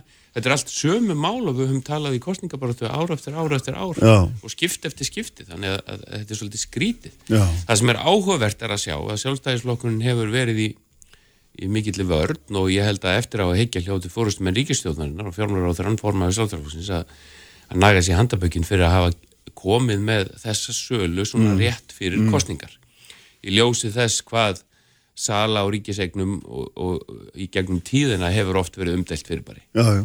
Bara bjóða hættinu heim. Þó að í fyrirraðskiptið hafa þetta hefnast mjög vel, uh, þá greinilega hefnaðist þetta ekki vel og það er ekki ánægja með það. Og þeir setja fólki sitt á sveitarstöndastíðinu í óþægilega stöðu, í mikla, vö- mikla vörn. Og við sjáum það að sjálfstæðarflokkurinn sem að mældist í könnunum uh, fær hérna nýjan oddvita Eithor Arnalds hættir óvænt og nýr oddviti er með svona byrði seglin og, hérna, og lendir bara í nöðvörn Já. eitthvað fyrir eitthvað sem hún ber auðvitað enga ábyrð á Já, já, það er rétt. Það, sko, það er hérna svona því að menn hafa alltaf mikið verið að velta því fyrir sig hversu bein áhrif landsmálinn hafa inn í sveitastjórnundar og það er náttúrulega að missa örgulega mikið í Reykjavík en minna á smæri stöðum getur maður svona ímynda sér sem eru staðbundnar í mál og svo framvegis en þetta er náttúrulega augljóst núna að þetta er Já, líka uh, þegar mönnum er stilt upp í vörn Já. uh, og ég þekki það ágætlega vegna þess að ég mann það þegar ég kom uh, í, í, í aðdraðanda borgarstöðnum kostika 2006 á starfsmannafundi í stórum fyrirtækjum. Já, og þurfti að by- byrja á því að sko verja eh, ákvörðun íslenska stjórnvaldaka Íraksstæðinu sem að mig, sem að mig langaði bara ekkert að tala um. Og tengdist borgarpolítikin ekki neitt. Nei. en það var sagt, býtu, ert þú ekki hann aðstofa maður? Já, já, já, já, já, akkurat, þannig að, þú sem ringtir í, stjórnmálamenn er með. stjórnmálamenn þurfa nú stundum að taka takast á við sko brekkur. Þannig að það, það var sko fyrsta brekkan. Já. svo í, í því tilvikið þá hérna framan af náttúrulega mæltist framsókn aldrei inni. Já. en svo hérna eru framsóknflokkurinn nú uh, oft séu verið kostninga en ekki kannana. Við sjáum til dæmis að, að framsóknflokkurinn verðist aftur ætla að uh, koma svolítið með þetta element að vera á miðjunni uh, öfgalaus og virðist uh, mælast í, í hörku sókn í borginni og, og víðar, svolítið framhaldi af af uh, sigrinum í alþingiskostningunum í, í, fyrra og formaðurinn virðist vera svolítið í felum núna Já, mjög svo. Og lætur það er ekki ná bara- þessu, ég er nú búin að reyna núna nokksinum og reynda líka í menta á íþórtamálur á þeirra, þeir svara engum. Nei, og, og við sjáum emmitt að, að það er hérna þetta er, þetta er mikil breyting og þá sér maður strategist hvernig þeim er stundum telt fram og stundum ekki og, og það er auðvitað galdur hjá framsók þá að gera það með þeim hætti að, að, að, að virðast einhvern veginn aftur geta búið til af því að fólk er þreytt á þessum eilöfu átökum fólk er til dæmis, meira hlutin í borginni fjall í síðustu kostningum eh, fekk viðreist til þess að viðhalda sér.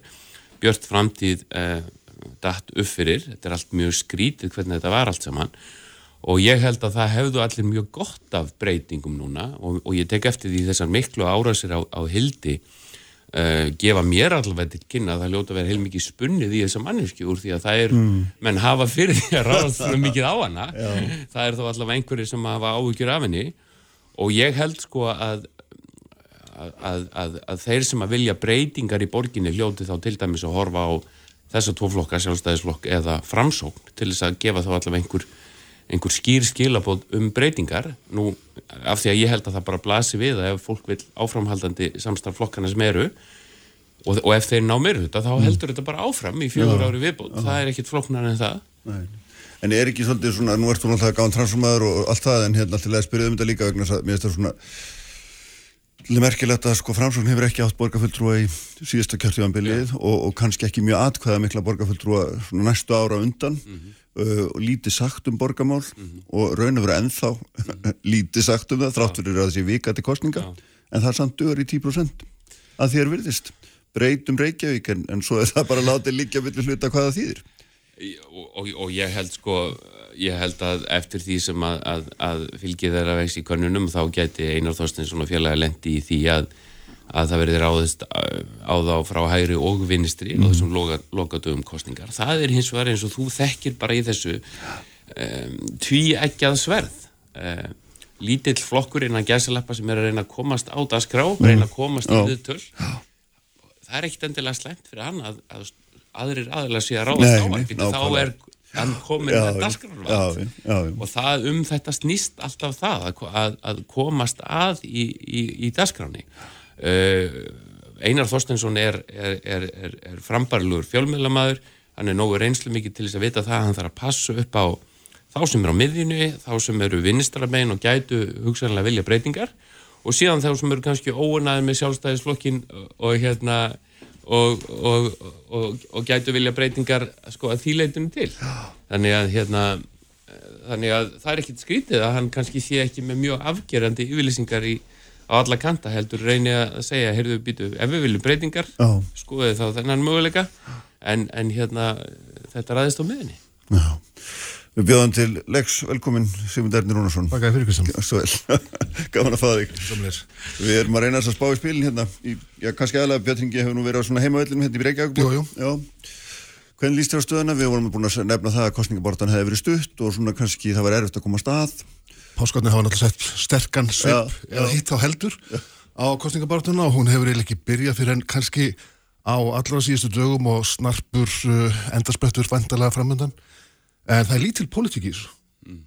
og ég tek eftir því til dæmis að flokkarnir Reykjavík tala vola mikið um sömu málinn framsvonarflokkurinn kemur inn með mál sem er mjög áþekk e, málum meirulutans og svo dæmis er tekið og mér finnst sjálfstæðiflokkun ekki vera í mikill í politík og ef maður horfir yfir sviðið þá er ekki mörg mál sem ber í milli. Mm -hmm.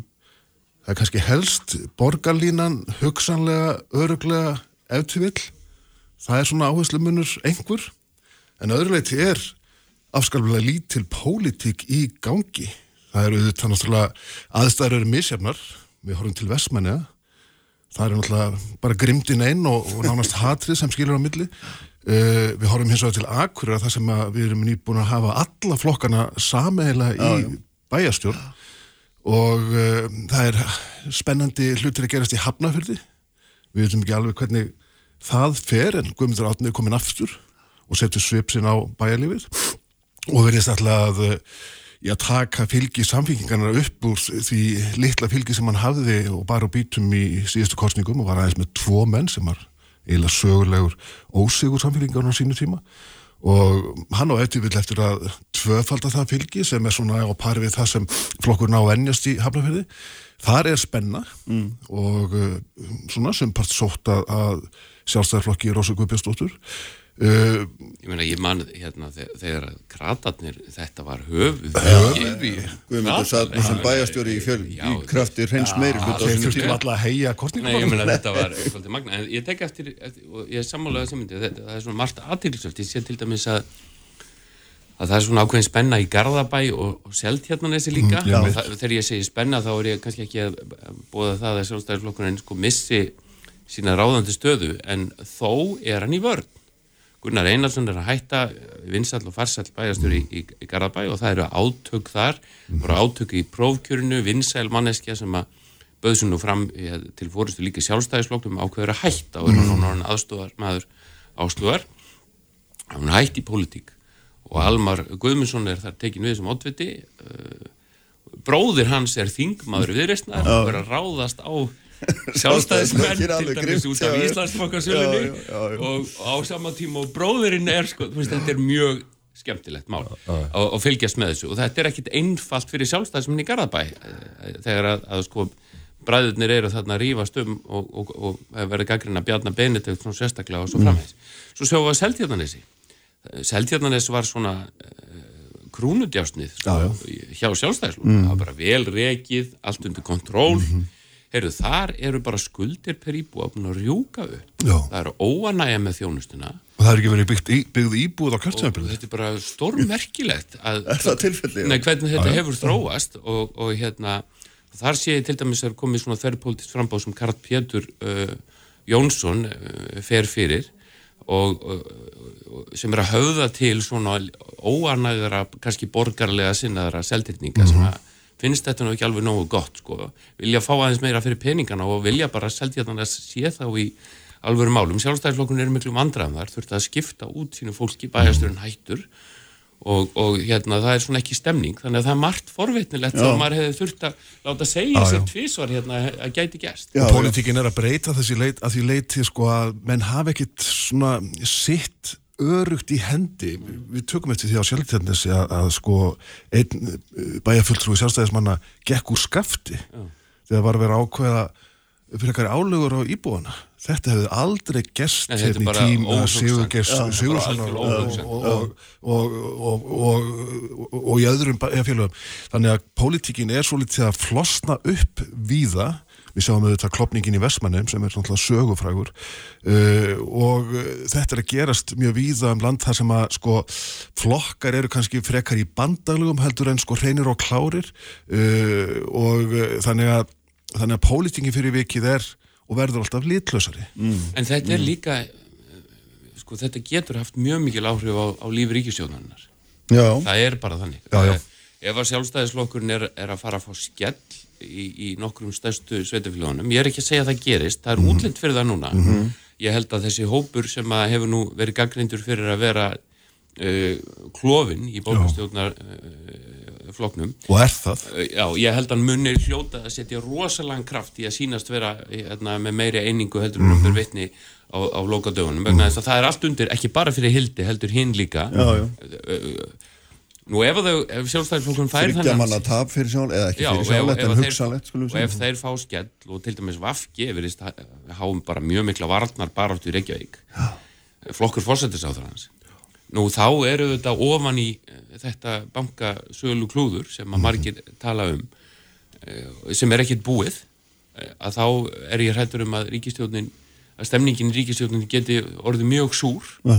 og hérna og þá auðvitað hljóta líka ímsir í sjálfstæðarfloknum að segja býtu nú við hvað eru við búin að fara í gegnum margar kostningar verandi alltaf að verja formannin okkar mm -hmm. hvort sem að það er réttlátt eða óréttlátt, mm -hmm. ég veit alveg hvað við þetta er orðið liability spurning já, já. Að, að, að það er alltaf við erum alltaf að verja eitthvað sem að við höfum, komum ekki að mm -hmm. og sjálfstæðisflokkurinn að mínum að því hann þarf að spyrja sér tveikja spurninga. Hann þarf í fyrsta lagi að, spyrja sér ok, ef við stóðum rétt að þessari sölu og gerðum þetta eins og við taljum að hafa að gera þá hefur okkur algjörlega mistekist að útskýra það fyrir þjóðinni og sína fram á það og sjálfstæðarflokkurinn þarf að, að, að velta fyrir sér út af hverju hann er alltaf núna í, í, í vörn. Mm -hmm. nú, nú var ég sko aðstofum að fórstættisáður og utryggisáður og vann með þeim í borginni þessum stóra flokki sem var svona skipulagt uppbyggt, Kjartan Gunnarsson var þarna framkvæmstjóri mm -hmm. þarna, þarna var bara uh, gefin út lína. Það, það, það, það var unnið í þessu. Fólk, það var vita hverju átt að tala við fjölmiðlana, það var unnið í þessu nú verðist þetta vera svolítið stjóllust einhvern veginn og, og, og þeir eru að rekjast undan í umræðinni mm. þeir eru í vörn og þeir eru að bregðast við ekki að koma með mál heldur að reyna að verjast einhvern veginn. Og manni finnst þetta alveg stór merkilegt og þetta hefur áhrif á það sem Sigmundur Ernir er að segja. Þegar að stærsti flokkurinn okkar þessi svona stóri valdaflokkur er bara farin að mælast með kringum 20% Já. og frambjóðundur hans í svetusnugóttingum er stöðugri vörn og þetta er stærsti flokkur sko. mm -hmm. hvað þá má hérna það er kannski ekki þá skrítið að það sé komin þverrpolítisk frambúð um allt og, og ný tíðindi og svo Það er björn ekki sko á endanum snýst þetta um tröst og trúveruleika og uh, ásýnd listans. Og ef ég horfið til Reykjavíkur uh, sko fólk kýs með aðeins öðru þessi hætt í sveitastundarkostningum heldur en í á landsvísu. Á landsvísu kýs það meira stefnu flokk en fólk í borgarstjórnar og sveitastöndum kostningum og ef maður horfið til dæmis yfir sviði Reykjavík þá er listi samfíkingarnar á að gíska mjög trúverður. Þetta er tröst fólk sem hefur ekki fengið á sig neinar alvarlega pusur, staðið sér almennt vel á þessu kjörtíðabili og þú gengur nokkur neginn í kjörklefunum að hlutunum þar vísum. Aðri flokkar hafa verið að breyta mannskapnum sínum afskaplega mikið nefnum vera kynni viðreist og vafgi uh, og eflust má nefna uh, sósýrasta líka í þe þeim efnum. Sömu oddvitunar að minnstakosti en, en það er mjög mikil hreyfing og hefur verið mikil hreyfing á mannskapnum í sjálfstæðarflokknum og svo ásýnd held ég að fari svo litið tögarnar á kjósundu þegar á holmin er komið. Þeir vit ekki algjörlega hvað þeir eru að kjósa. Þú skauta nú létt yfir það hversu umdeldur borgarstjórn en orðin eftir langan, langan Já, feril. vissulega, vissulega, en, en, en sko það hefur ekkert fallið á hann per se. Uh, nei, en uh, sko ég, ég þekki borgarstjórn, ég, ég var formaður borgaráðs þegar hann var borgarstjórn í 100 daga, ég, ég menna ég hef mætur á Degi B. Eggertsin, hann er búin að fá langan tíma. Já. Og að mínum að þið þyrsti hann, hvort sem hann eh, verður áfram borgarstjórn eða ekki, mm. þá, þá þarf aðeins nýtt blóð í þetta, mér finnst að mínum að þið, til dæmis finnst mér að viðreistn hafi mistekist að skapa sér sérstöðu. Mm -hmm. uh, meirultun fjall og viðreistn hérna bjargaði lífi meirultun Akkurat, en getur einhver sko borgarbúi sagt sko það var viðrest sem kom þessu eða hinu til leiðar? mm, og ég, ég held ekki, ég held að það sé rétt sem þú segir með samfélkinguna sem er svona hinn raunverulega ásýnd þessa mm. meirfluta píratarnir hafa einhverju leiti náð svona pöngi í því sem Já, er flókið fyrir þann flokka tilheyra þá meirfluta og taka Mhm, þátt í, í sko vera ábyrgur á stjórnaraltöfum eins og það er kallað. En viðreist og Vafki er greinilega Vafki er bara að berjast við einum manni að mínum að þetta er endara þyrsti Vafki að fá tvo mjög storm mál og mikilvægt að Stefán Pálsson komist í bólgastöðu Klárlega, ég verður bara að segja það. mikill, og góður vinnu minn og þó ég sé ekki sammálum með pólitík þá, þá myndi ég svo sannægilega vilja fá hann í bólgastöðu og að það sé bara mj- mjög mikilvægt. En, en þið skiljið hvað ég á við. Já, já. af hverju er Vafki að berjast fyrir lífi sínu í borginni ef þetta er svona góðu meiruluti og fórsættisjáður hann nýtur mestra hérna, vinsalda í landsmálupolítinni þetta er stór merkilegt og reyndar er ásmundur eina að koma fram úr henni? Já, já. en það er nú kannski En- en- eitt og en- annað búið að ganga á upp á síkast Já, hefur sko, að það er- verkum það og sem þess ég- vegna var ég að segja Já, með, já. með úslit kostningarna núna þau geta haft mjög mikil áhrif á lífi ríkistjóðan algjörlega, ef að fórustumenn ríkistjóðanar eru lemstraðir við vorum að ræða hérna áðan að formaði framsóknarflokksins er hafður í felum. Já, uh, hann held sextursamali í Kyrþei Já. ég held að hann hafi ekkert verið ánæðið með það. Nei, hann var hérna nei, fyrir örf mánuðum bara Já, hérna, sigur vegar í, í pólitíkinu og og, allt að gerast og sá, mæ, sá mæ, mæti maður svo já, haga. þannig að þetta er fljótt að breyta já, já, sko. já, ég held sko að á endanum á muni kjósendur mæta í kjörklefan og kjósa það, sko, það, þau stjórnmálöf sem þeir treysta og þekkja til. Ég held að þetta rót á sumur flokkum sé ekki til eh, svona hilla fyrir viðkomandi flokka. ég held að mjög margir bókabúðar vilji fá einhverjar breytingar Einhverja breytingar? ekki kannski byltingu Nei, ekki en byltingu. einhverjar breytingar vegna þess að, að, að hérna, meirhildin fjall síðast en hjælt samt áfram það er alltaf ákveðið disgagvart kjósendum, Já. það verður bara að segjast eins og er og spurningin er hvort að við viljum meira af því Já, saman já, það er, já. það er, það er En, en stærsta breytingin við skuld, er svo að flokkar er ekki lengur stórir. Já, Við erum búin að búa við það í áratví að flokkar á Íslandi eru mjög stórir og geta tekið sér mikil völd. Það er að baki. Ég meina, ég var á kostningavöku stöðar 2 árið 1990 þegar að Davíð Oddsson kemur inn á hotelsögu nánast á rauðum dreifgli með 60% af fylgi og setti Íslandsmet í sko, fylgi einn stjórnmálaflokks uh, í borgarstjórnarkostningum, sveitastjórnarkostningum og þeir tímar eru að baki og núna eru flokkar sem telja sig verið stórir að berjast í kringum 20%. Þetta er gríðarlega breyting á pólitíki landinu. Og fyrir vikið verða pólitíkin með öðrum hættim, samtalið verður meira, mildin verður meiri, samkómulagin verða fleiri. Þetta er stóra breytingin. Önnur stór breyting sem mun raungerast hérna eftir er svo að konur eru að miklu meira ábrendi í sveið stjórnum heldur en verið hefur. Sem betur fer. og ég ætla að fá þrjá oddvita og sko þeim það mikið með maður þetta Já, já, nákvæmlega, vel gert. Herru, takk fyrir að koma báðu tveir frábært fá ykkur Vetningi og Semdur Ernir. Og ég verð hérna eftir með Theodoru Þorstinsdóttur, Margreti Sandes og Dóru Björk Guðjónsdóttur Sprengisandur, alla sunnudaga á bylgjunni. Réttir þjóðmál og pólitík. Sprengisandur á bylgjunni. Sælilusnundur, uh, tökum loka sprettin hérna eru mættar til mín uh, Margret Sandes, Reykjanesbæ, uh, Theodora Þorstinsdóttir úr Kópói og Dóra Björk Guðjónsdóttir sem er auðvitað úr Reykjavík, sælar blessar allar, velkomnar. Takk fyrir. Margreður sjálfstæðarflokki og Theodora úr Viðreist og svo auðvitað Dóra úr Píröldunum. Sko þið eru í ólegri stöðu og ég ætla aðeins bara svona að taka hérna húsaukur, hérna þið tvær fyrst, hérna Margret og Theodora, þið viljið fella sitjandi meilhuta og eru það að reyna hérna að gera það en Dóra vantilega hérna, er mannskjörn sem getur haldið sitjandi meilhuta við stjórnvölu sínist menn og á kannunum. Ef við byrjum að þér Margret, hérna hérna, þið eru að, auglýsa aukna þjónustu og lækun skatta í, í sömu setningunni. Já, það er, er nákvæmlega þannig og ég hérna að því að tala um að fella núverandi og hvað, Já, já. ég er ánað með og spurður ekki alveg bara hvað gerur henni slæmt, ég fekk einu svona þá spurningu að þetta snýst ekkit um það. Nei. Sko það er nefnilega þannig að, að í Reykjanesbæ að það er alveg gríðaleg fjölgun, gríðaleg fjölgun og það hefur, sko tekjunar hafa aukist um 80% síðustu 8 ár. 80% Já. þið mynduð öfunda okkur hérna Reykjavík og, og Kópavogur. En sko þjónustan þarf auðvitað að fylgja. Og það er það sem við erum að tala um. Auðvitað hafa þeir aukið þjónustu ákveðin hátt. En við segjum bara, þið getið ekki fengið alla íbúinu til bæjarins án þess að bjóða upp á grunn þjónustu og við erum örgulega all, allar hérna talandi um leikskólamál.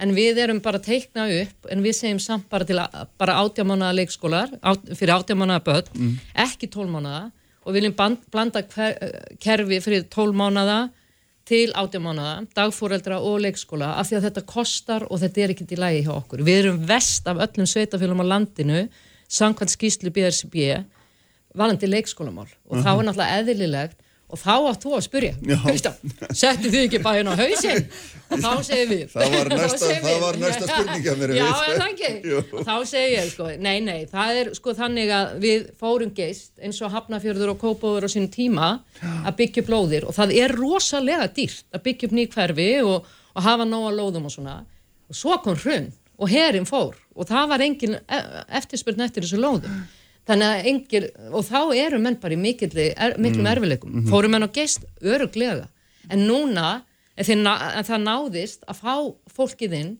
tekur inn til sveitafélagsins þannig að 80% aukning og fyrir fjórum ári síðan þá voru skuldina bara orðnar eins og hjá Kópavogi og Hafnafjörðu þessum sambarilegu sveitafélögum og þá er við að segja, þeir voru áður með átjámánaða börnin á leikskóla og annað í sinni stefnusgrá og við erum bara að segja það sko.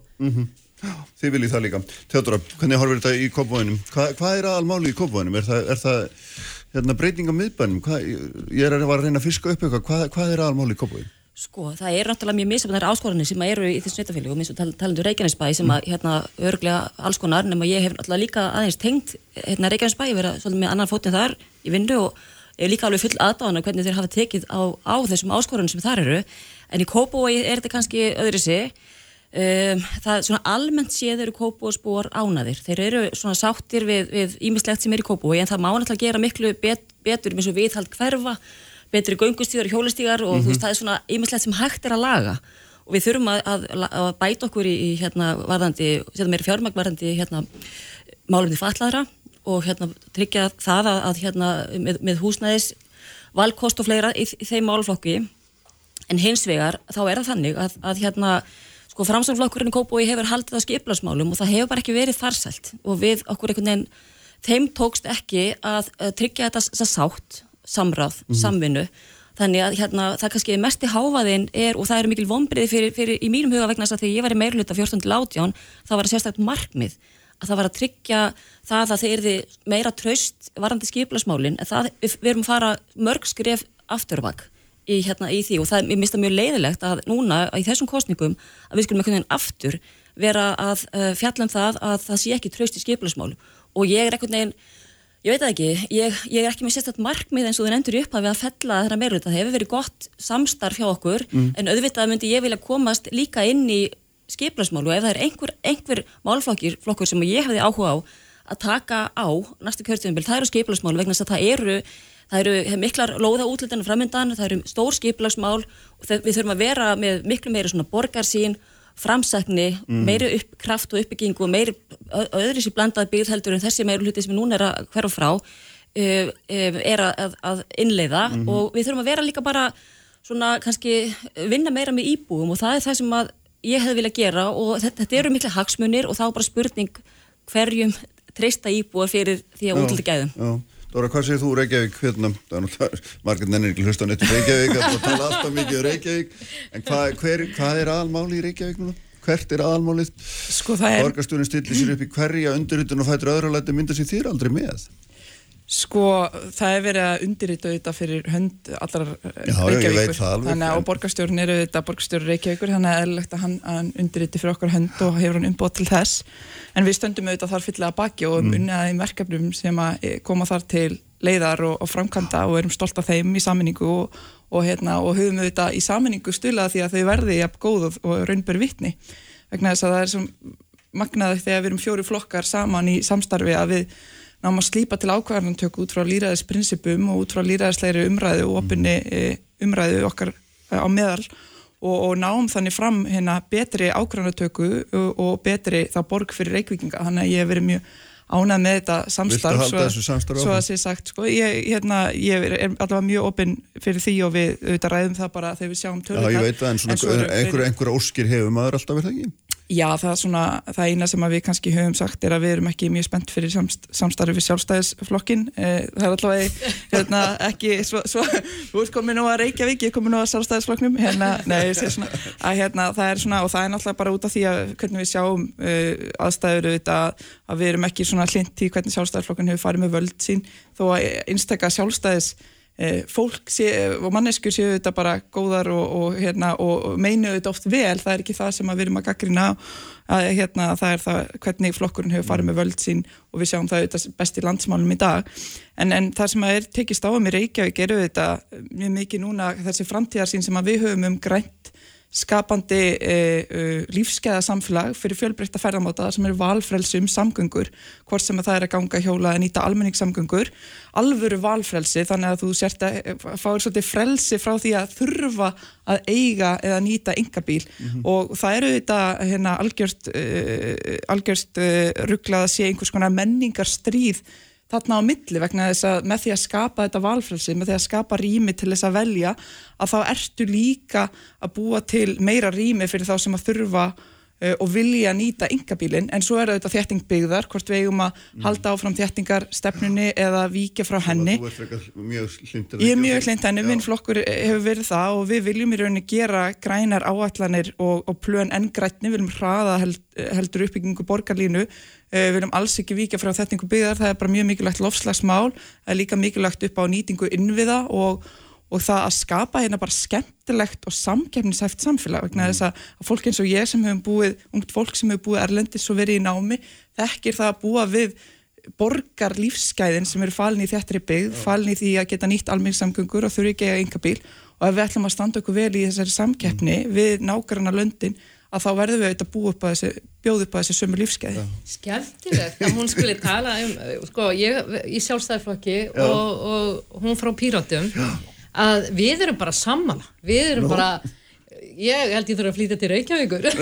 Vertu velkomin. Ég, ég er ekki alveg sammala alveg stefnu meðlutans þar, en, en ég ætla bara að segja, hún kom að líkilatininu, mm. hún kom að líkilatininu sem að er að við verðum að vera samkefnishæf, mm. við verðum að vera samkefnishæf hún talar um heiminn ég er nú bara að tala um hérna innanlands og þá erum við að segja hvar vill fólk búa og í hvernig samfélagi viltu búa og það sem að mér finnst svo sorglegt að við erum að taka hérna á netinu próf hvar er best að búa og þegar maður er að lenda í 51. sæti og ekki bara ég að það var hérna móður með lága tekjur með þrjú börn og það var Reykjanesbæri í 49. sæti og þá ekki segja með mér, við með góður af því að svæðin okkar er svo frábært og hefur alla möguleika mm -hmm. og það þarf við myndið að hugsa til þess að við erum bara fulltrúar sem eigum að búa til frábært samfélag við, samfélagi þarf að vera gott það þurfa að vera leikskólar það þarf að vera sko, eins og íþróttamál þetta er í fyrsta skipti held ég sem að íþróttamál eru á dagskrá í sveitarstandakostningum svona stert af því að við setjum það á dagskrá við erum mm. íþróttabær og við erum með langlagsta framlæg við erum með 6,8% mm. af tekjum til íþróttamála á meðan að Kópavóður er með 10,5 og Grindavík sem er rétt að handa við hotnið er með 19,6 en þeir eru með mjög hátt, ég er ekki að fara þangað. Grindavík byrði líka 2000 manna stúku fyrir 3000 manna samfélag. Já, en hérna, hún var hérna hjá mér fyrir viku, hún Ástís hérna, sem er oddviti sjálfstæðismanna. Og hún sagði um borgarlína að hún ætlaði sannlega að skoða fórsöndunar og hann var ekki til í að segja hún ætlaði að hætta við henni slíkt en hún vildi skoða fórsöndunar er Kópavór þar að hann ætlar að hérna, fara að skoða þetta málum og nýtt Uh, nei, ég held að hérna Jú, greinlega Nei, það er sko, að mínum að þá erum við náttúrulega búin að vera að vinna að þessu allir flokkar, þvert Mm. og alla flokka í, núna í átta ár. Og hérna við erum komið með uh, forsendur sem að núna eru búið að kynna. En hins vegar sko það sem ég kannski hef gaggrindi þessu ferli að, að við þurfum að, að fá íbúana með okkur og við þurfum að halda miklu fleiri íbúafundi og, og kynna raunvel út af hvað þetta gengur, það sem hefur verið vond það er óvissan það er eiginlega það sem, ég hef gaggrind að við getum gert miklu meira að vegna þess að, að á sama tíma og, og þeir sem eru þólega illa óvissuna sem ég skil vel að þá eru hérna stopnarnir eins og til dæmis mentaskórni í Kópavogi, vestlunarmiðstöður sem er, með stærstu vestlunarmiðstöð á Íslandi og íþróttafélagin sem hafa verið að keppast að því að fyrsti áfangi í borgarlínuna uh, staldri við hjá þeim. Að stoppustöðu var þar að hérna, það, það, er, það er mikið kapsmál vegna þess að það, er, heyrir maður og finnur maður mikinn áhuga á því að fá borgarlínuna og, og það tengist þetta líka bara eins og til dæmis hérna aðgengið að, að, og vistana samgöngur til, til, til, til Reykjanesbæjar og, og Suðunessin og að, að hérna við getum stíðið einhver skrefi þá átt til dæmis að, að smárin verði samgöngumiðstu fyrir höfbruksvæðið mm -hmm. með tengingu, beina tengingu við, við keflagflutu. Ég held að það sé mjög stort lofslagsmál að, að tryggja það og, og, og tengja það við borgarlínu. Þannig að borgarlínan... Þetta er náttúrulega á dagskrá líka, það er náttúrulega þessi samkefni sem er búin að vera hérna hjá, hjá Katigó á Suðunessum sem, sem að hefur áhuga því að, að tilhjóðna sem komið þar í alþjóðlega samkefni teng, er, er neðstan þar að tengja við borgarlínuna og það er, mér finnst að þetta fara miklu hraðar í það að ræða við Suðunessin um, um hérna, vissana samgöngur frá höfbruksæðinu og það, mm. það finnst mér bara að vera, ef við ætlum að losna við þessa sko, umferð á mótnana og setjumpartin, þá finnst mér það að vera bara risa mál og þess vegna segi ég, við skulum ekki hérna stoppa borgarlínu verkefni af. Það, það er búin að tefjast nógu mikið. Nú til dæmis hefur brúinu fósfóg uh, uh, hún var kærð þarna í fyrri umferð og, og svo núna mögulega aftur. Þannig að hérna að við skulum halda áfram að skoða þetta og gera þetta bara með upplýstum hætti og mm. þannig að, að tryggja bara gegnsæið og hérna hafa íbúana með okkur og, og halda miklu fyrir íbúafundi og vera bara svolítið opið með þetta. Þannig að þau vinnum, vinnum með fólkinu. En skortir á samráð og samstarf á þessu svæði? Ef við tölum hér um að þið representerir raun og verið eitt atvinnusvæði hérna meirið að minna, aðeins lengra á milli sumra en annara en, en það er samt sama sko bara, bara samtal og samráð. Já, já. Er, já, er, stærri framkvæmdir og, og, og, og svona skipilari hugsun. Sko ég held að við séum allavega höfum við í Reykjavík verið að leggja gríðlega ríka áherslu á að hérna, taka á þessum málum. Ég fór persónulega fyrir uh, gerð nýra líðræði stefnu sem að snýra því að, að, hérna, að halda betur utanum hvernig samráð er viðhaft að sé ekki hipsum haps eftir áhuga formans í einhverju fagráði hvernig því er hátta heldur að sé gagsætt og skýrt utanumhald. Við erum auðvitað með lögformulega ferla í kringum skipilagsmálinu og, og, og samráð sem þá er viðhaft en svo er aftur spurning hversu mikið er tekið mark á þeim aðvæðsand sem kom inn og við, ég hef allavega lagt mjög ríka áherslu á að það sé hlustað og, og skýrt dæmir auðvitað bara þétting við bústæðaveg sem var hætt við út aðvæðsand sem kom frá íbúum Ég var kannski aðeins meira að hugsa um sko, samstarfi við bara sveitafjölunum já, Ég skil sko nefnt hérna vistvæna samgöngu inn í Reykjanesbað því við erum mikið að hugsa um bara okkar húfu sko. Já, nákvæmlega. Sko við erum auðvitað með samtök sveitafélag á, allavega höfuborgarsvæðinu sem að við höfum nú verið að vinna að því að þessu kjörtumbila að styrkja, að styrkja líraðislega aðkomu allavega kjöruna fulltrúa að, að því sem að þar fyrir fram á þeim vettvangi og, og hérna og ég allavega var hluti af þeim starfsópi, þú varst nú líka hluti af þeim starfsópi ekki, já, sem að vann, það er tilugur sem að, hérna, voru svo samþykta sem að snúa svona líræðis, aukin líræðisvæðingu samtaka sveitafélag á höfbruksvæðinu og, og byggðasamlagana þannig að það sé meiri aðkoma, meiri opin umræða, mm. pólitísk umræða um, um það sem er gert og að sé skýra stefnur þau sem fyllt eftir í opnu, opnu gagsægu ferli, þannig að það er þessi faglegu gagsægu líræðislu vinnubröð sem skiptar úrslega miklu máli og það hefur verið unni að því markvist að, að stíga skrifi þessa átt en auðvitað má allt e, betur fara og ég bara stið hilsugar að það þurfa að passa upp á þetta öllum stígum og, og það er að hægt að gera þetta betur.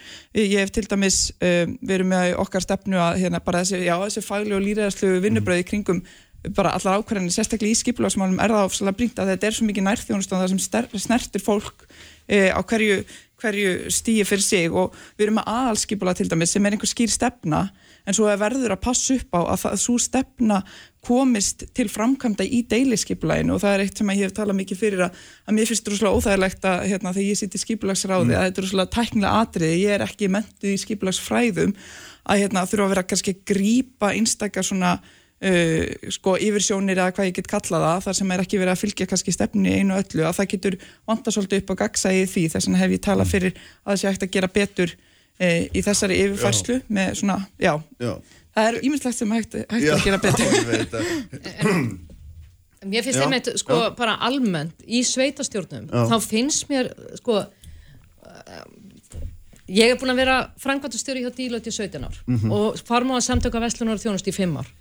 Og það er svo skrítið að koma inn í pólitíkina, ég hef alveg fylgst með pólitíkinni, en svo finnst mér svo skrítið að sita hérna og svo kemur frá pýratum, já, sjálfstæðarflokkurinn og eins og að fara núna í kostningabaratu og ég fæ mest á mig eitthvað sem að sjálfstæðarflokkurinn gerði hérna, já, hérna fyrir 8 árum, hérna fyrir 12 árum, hérna fyrir, svo fór nú alveg sko botnin sko út, uh, úr sko þegar að menn sögðu bara, já, hérna 1994 þá, sko, ég er að reyna að koma framtíðasínina að, hvað viljum við gera Já. og ég vona að, að, að fólkið og, og stjórnmáli komi í vegi fyrir, í vegi, sko, með mér í þetta, ekki þannig að við séum alltaf að segja hvað hinnir eru ömulegir. Ég skil ekki svona pólitík.